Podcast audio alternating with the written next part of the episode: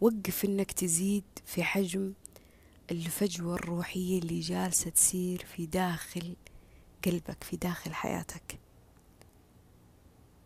كفاية تزيد عليك.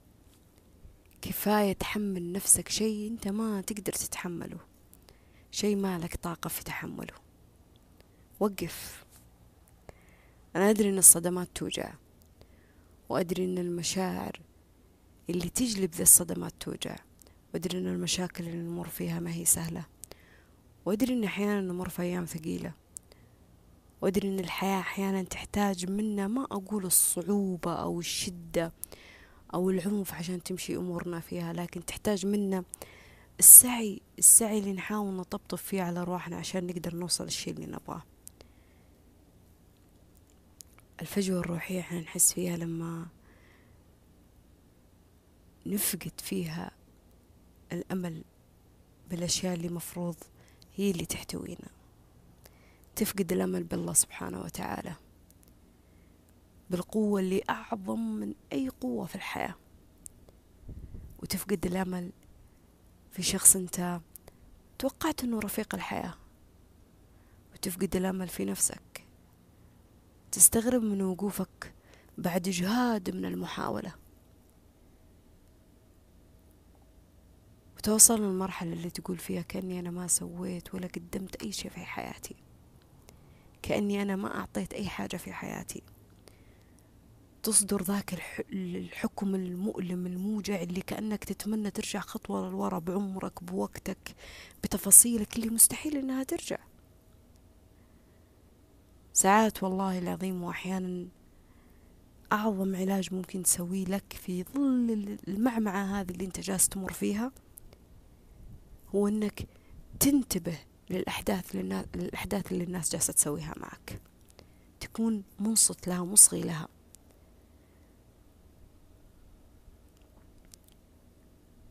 للأمانة أنا تعبت من سالفة إني أنا أحط نفسي دائما في كل حدث في كل مشكلة في كل تفاصيل صارت معي في يوم من الأيام إني أنا الشخص السيء في قصة أحد معين. وإنه أنا اللي معقدة وأنا اللي صعبة وأنا اللي أكبر المواضيع وإني أنا اللي ما أتمسك في العشرة وإن الناس هم الصح. بعد اليوم أنا جلست مع نفسي قلت ما عاد راح أحط نفسي في ذا الموضع كفاية لوم. كفاية. كفاية اللوم اللي تحس فيه من خلال هذا اللوم إنه إنه أتعبك أكلك من جوا التأنيب. اللوم. تقعد تجلس تجلس تجلد بذاتك. جلد جلد جلد جلد يا ليت وكان وانصدمت وما صار. الحزن اللي تمر فيه المشكلة اللي تمر فيها إيش ما كانت؟ إيش ما كانت؟ الله الله وحده أعلم فيها. فأنا بقول لك أعطيها مساحتها منك. استسلم لها خلها تتمكن منك.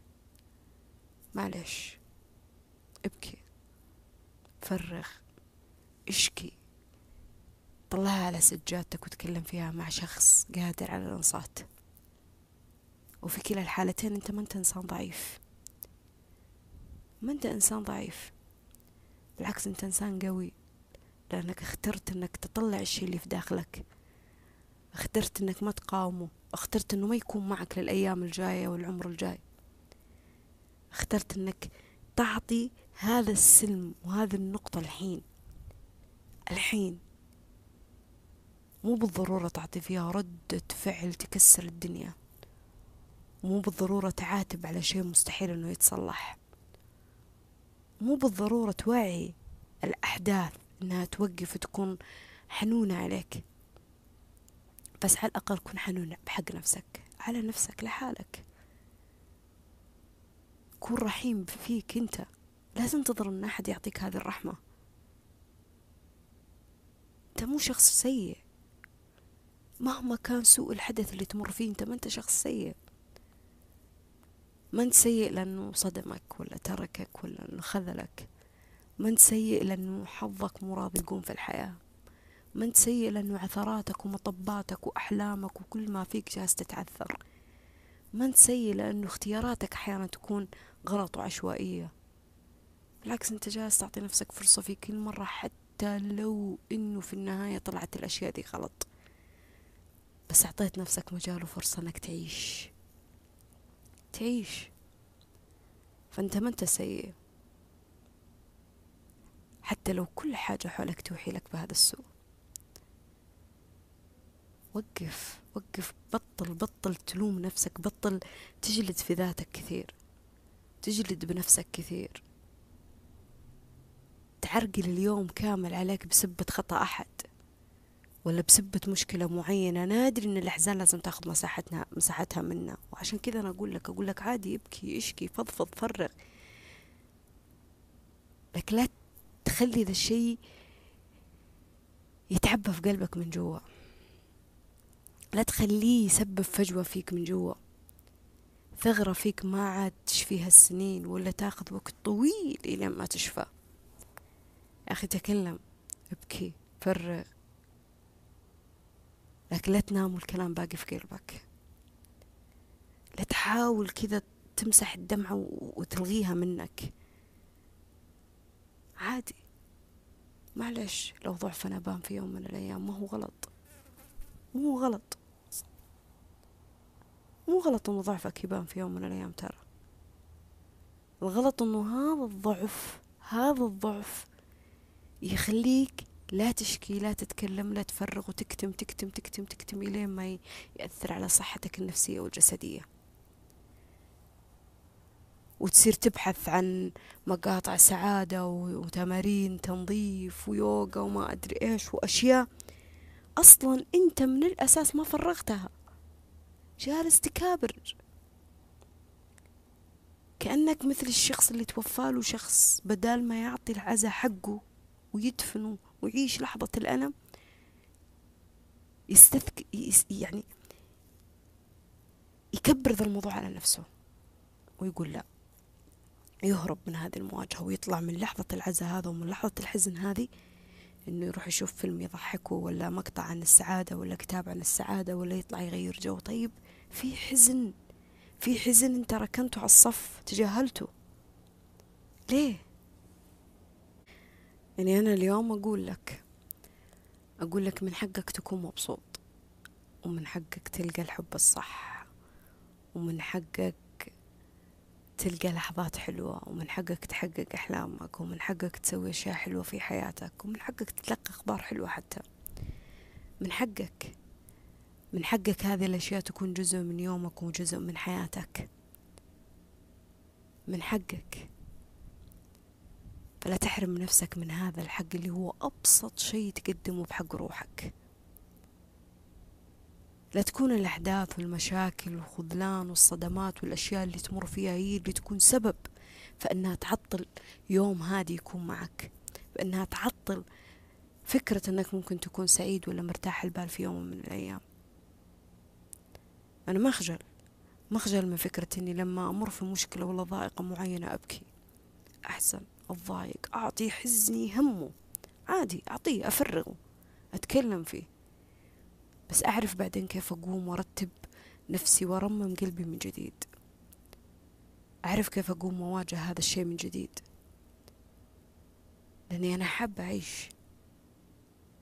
باقي عندي أمل في حياة ربي وبأحداث ربي. إنه الحياة عمرها ما راح تبقى على هذه الوتيرة. أنا ما يئست من رحمة الله ما يئست من فضل الله ما يئست من رزق الله ما يئست من التفاصيل اللي جالسة تصير في الحياة. فبطلوا بطلوا توجهون كل اتهامات الأحداث اللي تصير في الحياة على أنفسكم. بطلوا. معلش في يوم أنت كنت ظالم ولا كنت مظلوم معلش لو اختياراتك كانت غلط. أو عافرت ودافعت عن شيء. طلع في النهاية غلط. معلش لو مشيت في ذاك الطريق اللي أعطيته وقتك وعمرك ومشاعرك وطلع له هو الحلم اللي يتناسب معك. معلش. معلش. معلش في الابتلاء اللي تمر فيه في المشكلة اللي تمر فيها والضائقة اللي تمر فيها. معلش. معلش. بس لا, تخ... لا تخلي دور الضحية ياخذ منك كثير.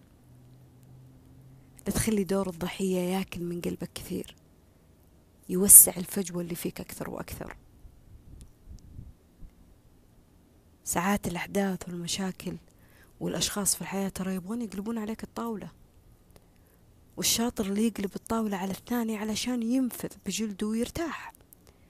بمعنى أنا لما أقلب عليك الطاولة في حدث مفروض أنا وأنت نشيل كل واحد فينا يشيل جزء من نصيب التعب ذا لا أنا أقلب عليك الطاولة وأروح علشان أنا أرتاح ترى بعدين. علشان أقول والله أنا كثر الله خيري وخيري سابق سويت وأعطيت وبذلت وحبيت وضحيت. فخلاص أنا هنا آه، من حقي إني أنا أوقف ذا الشيء ومن حقي إني أنا ما أحس بأي مشاعر حزن ولا غضب ولا بكاء. وقلب الطاولة هذا هو اللي يخلي الشيء ينفجر في وقت غلط في وقت سابق لأوانه في وقت أنت محتاج فيه تكون هادي ورايق ومبسوط. ليش؟ لأنك ما تحملت مسؤولية الحدث اللي صار. ظليت ترمي اللوم على الأشخاص والأحداث والأقدار حتى لو كانوا الناس هم سبب في هذا الشيء. بس أنا أبي أقول لك إنه سوء الأشياء اللي تصير في حياتنا إحنا في جزء منها إحنا متسببين فيه. في حتى لو أنكرنا هذا الشيء. فعادي عادي قول لنفسك أيوه أنا أتحمل مسؤولية الشيء اللي صار معي في حياتي. من قرار من اختيار من فشل من حلم من حظ من من من من. أنا أتحمل مسؤولية هذا كله. وتحملي للمسؤولية ما يخليني ألوم نفسي ولا أجلد في نفسي ولا أنب نفسي. ولا آه، أجلس أمنع نفسي عن لحظات حلوة ولا يوم هادي ولا تفاصيل حلوة في حياتي. وأدخل على نفسي الخوف والرعب من إني أنا ألملم ذا الحزن وأحتضن الحزن عشان أقوم من جديد. بالعكس اعترافي فيه إنه بحد ذاته إنه فيه مشكلة وأنا أبغى أقوم وأعالجها وأطلب الله العون. وألجأ للناس الصح فيها. وأساعد نفسي فيها. المهم إني أنا ما أخلي ما أخلي أيام الجاية تعيش بنفس الثغرة في هذه الفجوة اللي أنا جالسة أمر فيها. فأنا ما أستاهل أي حاجة صارت معي في حياتي. يمكن الواحد من شدة التعب ولا الحزن ولا من الاستنزاف اللي مر فيه في مشاعره يقول أنا أستاهل.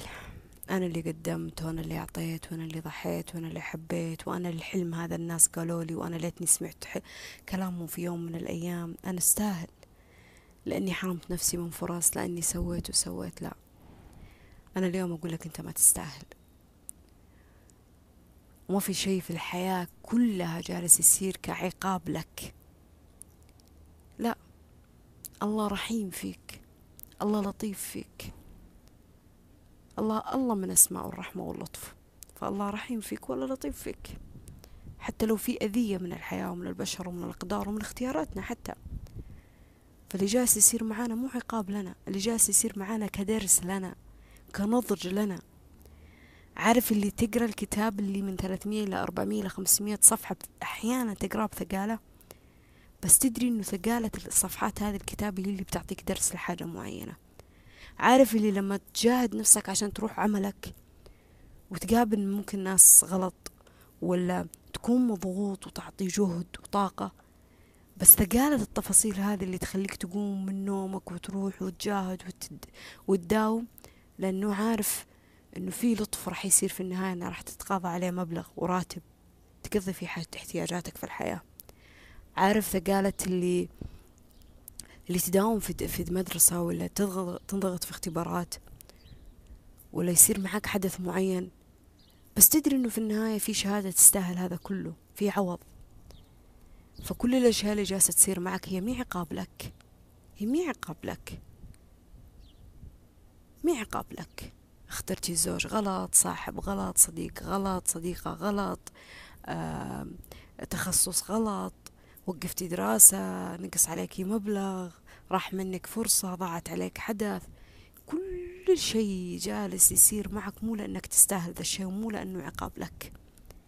كل شيء جالس يصير معك. أنا بيك تدخل فيه لمرحلة من الوعي.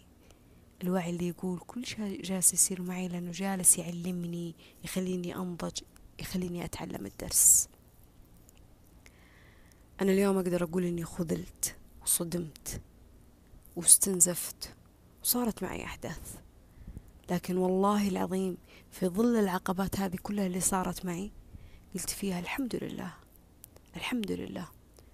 واللهم إني لا أسألك رد القضاء ولكني أسألك اللطف فيه الحمد لله. أبغى اللطف بس يا الله لأنه من أسمائك اللطف. فإي بكيت إي شكيت إي تذمرت إي أعطيت ردة فعل بس مو عند الحدث نفسه مو عند الأشخاص نفسهم. عرفت أوجه تعبي لمين؟ عرفت أختار الشخص اللي ممكن ينصت لي. عرفت أختار شخص يقول كلام فعليا فعليا أصلا already هذا الكلام أنا عرفته بس كنت محتاجة صوت أعلى من صوتي يقول لي ذا الكلام. ولجأت كمان لسجادتي لربي لاستغفاري لدعائي. ومسكت المصحف وقريت آيات. المفترض إنه الآيات هذه قد قريتها قبل كذا. بس هذه المرة كنت محتاجة إني أقراها مرة ثانية لأني حسيت إنها هذه المرة تتناسب مع الأحداث اللي أنا أمر فيها. فساعات الفجوة لما تكون في داخل قلبك متسعة ولما تكون موجودة تحتاج إنك تدفنها تدفنها مع شخص صح تدفنها مع مع الله بطريقة صحيحة. تطلب الله فيها الإيمان هذا القوة هذه. تسلم كل ما فيك. ما تقاوم ما تقاوم لا قدر ربي ولا الأحداث ولا اختيارات الناس. الشخص اللي قرر إنه ما عاد يحبك ولا الشخص اللي قرر إنه يخونك ولا يخذلك ولا يصدمك ولا العمل اللي خلاك يرفضك ولا سابك ولا تركك ولا الفلوس اللي راحت منك ولا الفرصة اللي ضاعت منك. الأشياء اللي كان لها أطراف ثانية من أحداث من ممتلكات من علاقات من أحلام من أشياء. أنت يا الطرف الأول تحتاج الحين أنك ما تقاومها ما تدفها ما تعافرها. تحتاج تسلمها تتوكل فيها الله. وهذا معنى التسليم. إنك تستسلم فيه لله سبحانه وتعالى وتقول يا رب إني وكلتك أمري. إني وكلتك أمري خلاص. إني مسني الضر فانت أرحم الراحمين خلاص. أنا سويت اللي علي وقدمت اللي علي وحاولت في اللي علي. الحين أنا أحتاج يا رب عفوك ورحمتك وتدبيرك و...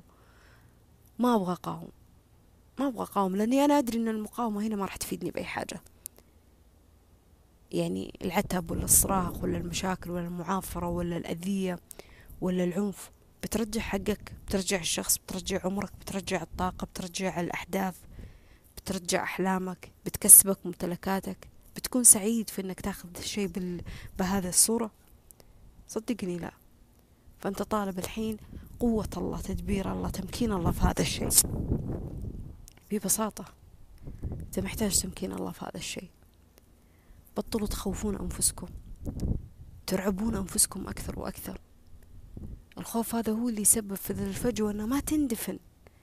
إنها ما تترمم ما تتقفل.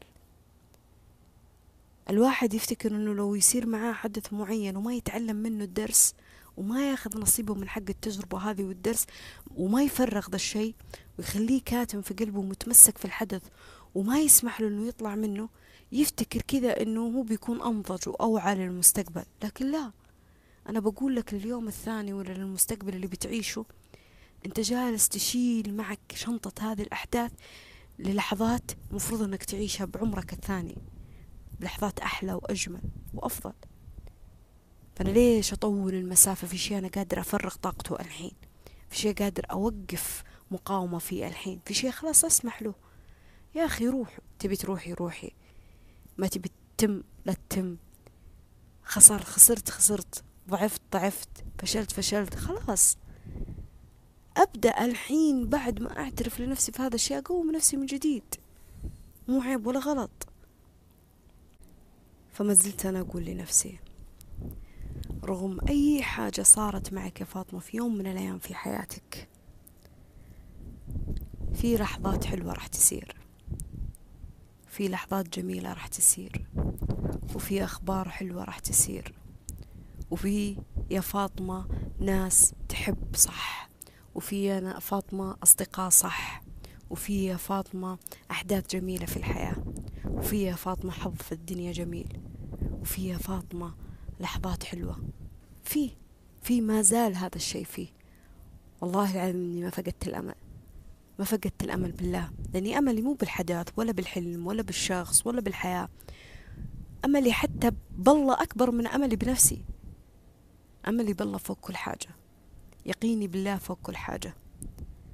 عندي يقين بالله. إنه الصاحب الصح راح يجي. وإن الصديق الصح راح يجي. والحب الصح راح يجي.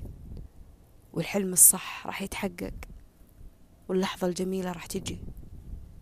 وقد ما كان في غيمة مي راضية تعدي مصيرها في يوم من الأيام تعدي يا فاطمة تنزل قطرات المطر. مصيرها في يوم من الأيام يا فاطمة. مصيرها في يوم من الأيام يا فاطمة. هذه الغيمة تنبت زرعك فيها. حديقتك فيها تنبت. وأنا ما أقول ذا الكلام لأني جالسة أوهم نفسي ولا أصبر نفسي على شيء أو أمل كذاب أو مفقود لا. إذا ما زال الخير في أمة محمد أنا أقول ما زال الأمل والخير في أمة محمد وفي الحياة نفسها. باقي في ناس طيبة باقي في ناس تحب صح باقي في ناس كويسة باقي في ناس تجبر قلبك باقي في ناس جميلة وأرواحها جميلة باقي في لحظات جميلة. باقي في أحلام جميلة. باقي في باقي في يعني الحياة فيها وسع وفرة ما تتخيلونها. بس توكلوا على الله واسعوا اسعوا واطلقوا النية من جوا. نية إنه يا رب يا رب يا رب يا رب يا رب يا رب. الفجوة الروحية اللي أحس فيها من داخلي هذه جبرها لي. فما في قوة في الحياة أعظم من قوتك وأكبر من قوتك. يا رب اجبرها لي. ادخل السرور والرفق على قلبي. وألطف فيني وبحالي وبفكري وبمشاعري. فيا رب يا رب. الاستقاء الاصدقاء الصح والحب الصح والحلم الصح والمكان الصح والأحداث الصح واللحظات الحلوة يا رب. يا رب. انو ذا الشيء. وصدقوني ما نوينا في شيء مع رب العالمين إلا وربي استجاب وتحقق لنا.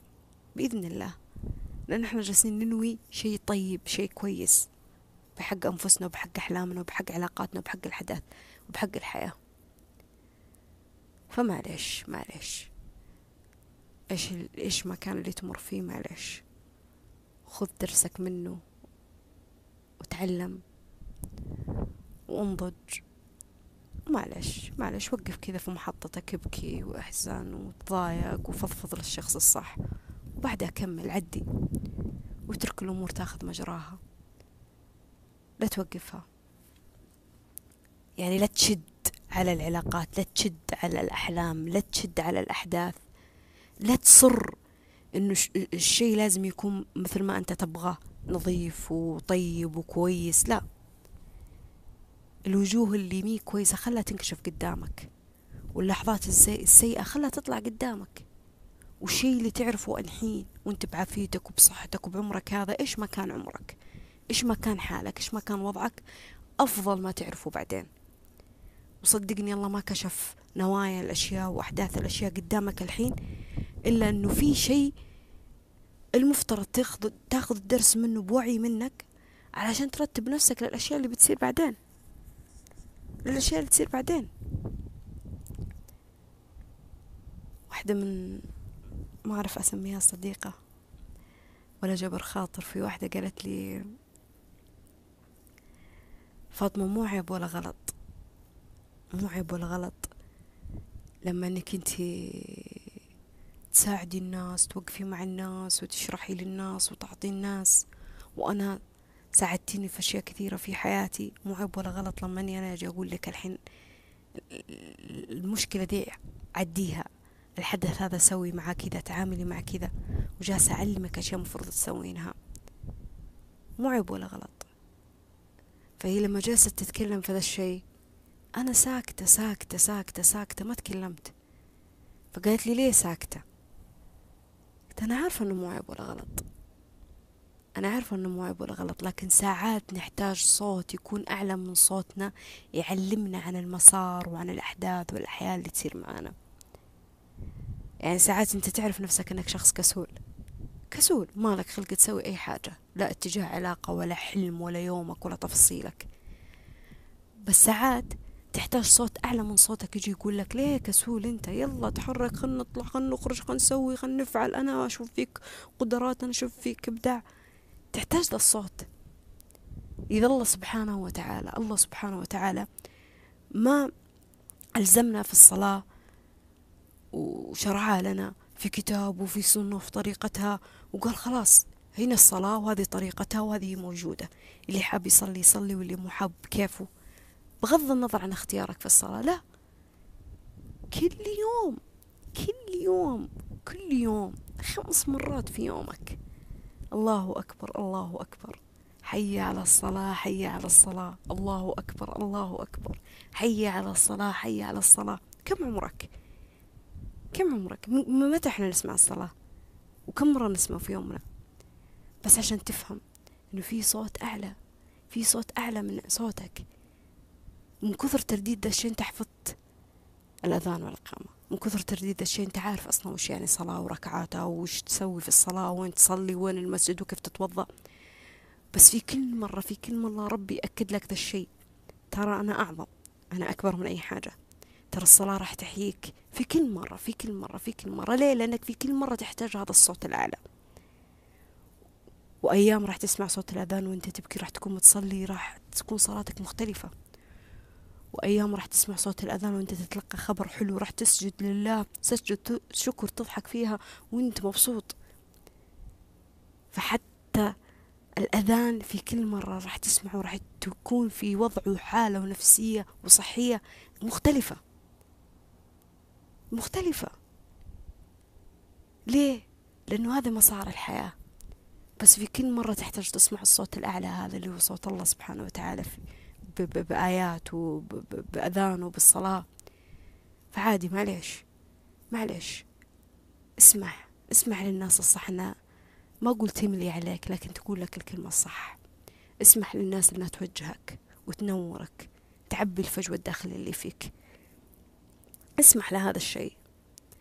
في قصة أبي أختم فيها يعني يعني ما أدري هم يقولوا قصة فلسفية أو شيء زي كذا يعني. المهم القصة هذه تقول إنه آه في شخص كان في قرية تمام؟ وفيها شخص هذا الشخص هو الوحيد اللي يتعبد لله سبحانه وتعالى. شخص مؤمن إيمان تام بشكل أنت ما تتخيله من عبادات ومن فروض ومن صلوات من من من شخص يعني إيمانه بالله عالي عالي مرة. المهم هذه القرية جاها فيضان أصيبت فيضان هذه القرية.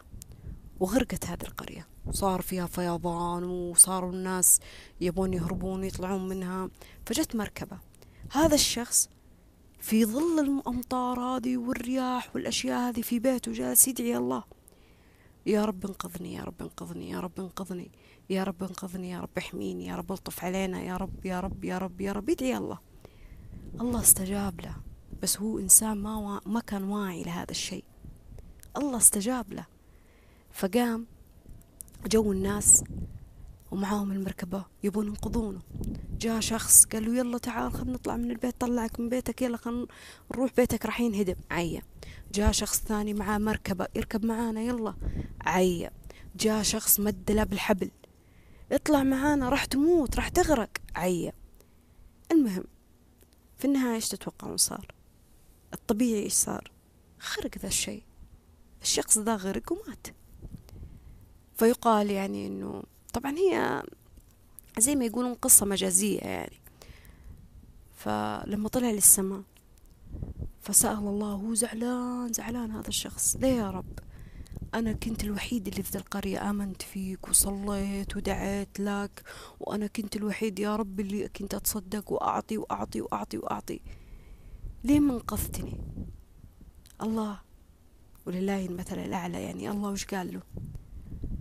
قال له أنا أرسلت لك المركبة وأرسلت لك الشخص وأرسلت لك الحبل مع الأشخاص. أنت رفضت أنك تطلع. يعني أنت تتوقع أنك لما تدعي إن الله يغلق الفجوة اللي في داخلك إن الله بيمد يده لك مدت يلا الله له مدت الله لك في يد في حياتك لما يمد الله لك يمدها لك بشخص بكلمة بشيء عابر بحدث. هذا هذا هو التدبير ترى. هذا هو التدبير. يعني في شخص أحيانا يكون مو حنون مو حنون. والله العظيم أنا أعرف شخص إنسانة يعني زي كذا. أعرفها معرفة شخصية. يعني مي حنونة أبدا أبدا أبدا مي حنونة. كنت أستغرب أقول يا الله هذه الإنسانة قديش خشنة؟ قوية قوية مرة ما فيها حنية. والله العظيم إنها تعلمت الحنية من حيوان. ربت حيوان وتعلمت منه الحنية. قسما بيت الله. فصارت تحن على الحيوان والإنسان. فالله سبحانه وتعالى أحيانا أنت تدعيه يمكن هي دعت الله يا رب يا رب أكون حنونة يا رب أبعد عني القسوة هذه من قلبي. فالله سخر له هذا الحيوان اللي علمها الحنية فأنت لما تدعي الله ولما تبي تاخذ في الأسباب أنك تغلق هذه الفجوة اللي في داخلك كون وقتها مصغي للأحداث راح تنكشف لك وجوه راح تنخذل راح تنصدم لكن في ظل المعمعة هذه الفوضى هذه والكراكيب هذه يعني شوفوا أنا جالسة أكلمكم الحين في هوا عندنا. وأنا قاعدة فوق السطح عندنا غيوم السماء مليانة غيوم سوداء. واضح إن في أي لحظة يعني بمشيئة الله بإذن الله راح تترش علينا مطر. فأنا جالسة أستمتع في هذا الجو الجميل. شايفين هذا الهواء اللي يوقف فجأة ويجي فجأة؟ وشايفين كيف السماء كذا؟ وشايفين كيف صيف شوية؟ يجيني لمسة هواء بارد وشوي يجيني صيف؟ أحس بحرارة؟ شايفين هذا كله؟ لكن أنا مؤمنة مؤمنة إنه في ظل الجو ذا كله إن شاء الله بإذن الله بإذن الله ربي راح يجبرنا برشات مطر. فخلاص جاء هذا هذا هذا الجبر جاء هذا الجبر. في شخص قال لي شخص إيش يعني الصبر؟ كيف يعني أنا أتيقن في الصبر؟ قال له الموضوع أشبه بأنك أنت لما تصوم تعرف بيقينك إنه راح يأذن الفجر راح يأذن المغرب راح تفطر. يعني أنت دحين صابر صابر صابر صابر صابر متحمل الجوع العطش مجاهد نفسك للصلاة للطبخ للحركة للدوام للشغل لل... لكن عندك يقين واثق إنه راح يجي المغرب بعد كم ساعة وراح تفطر. هذا هو الصبر ترى. الفجوة كذا تترمم. إنه يكون عندك يقين يقين إنه راح يجي النور. راح يجي الفرج راح يجي التيسير راح يجي الشخص الصح. لكن انت انصت للرسائل اللي تجيك. الرسالة بتجي من غريب من صديق من صاحب من ناس راح تكتشفهم على حقيقتهم من خذلان من ناس راح تطلع من حياتك فجأة من ناس جديدة راح تدخل حياتك من أحداث من عثرات من أشياء ممكن كذا تنفتح صفحات ماضي على أشياء غريبة. انصت انصت بس للأشياء اللي جالسة تصير. خليك منصت. قول يا رب أنا منصت. أنا منصت ما أنصت أنا منصت أنا منصت أنا متأكدة يا رب في شيء.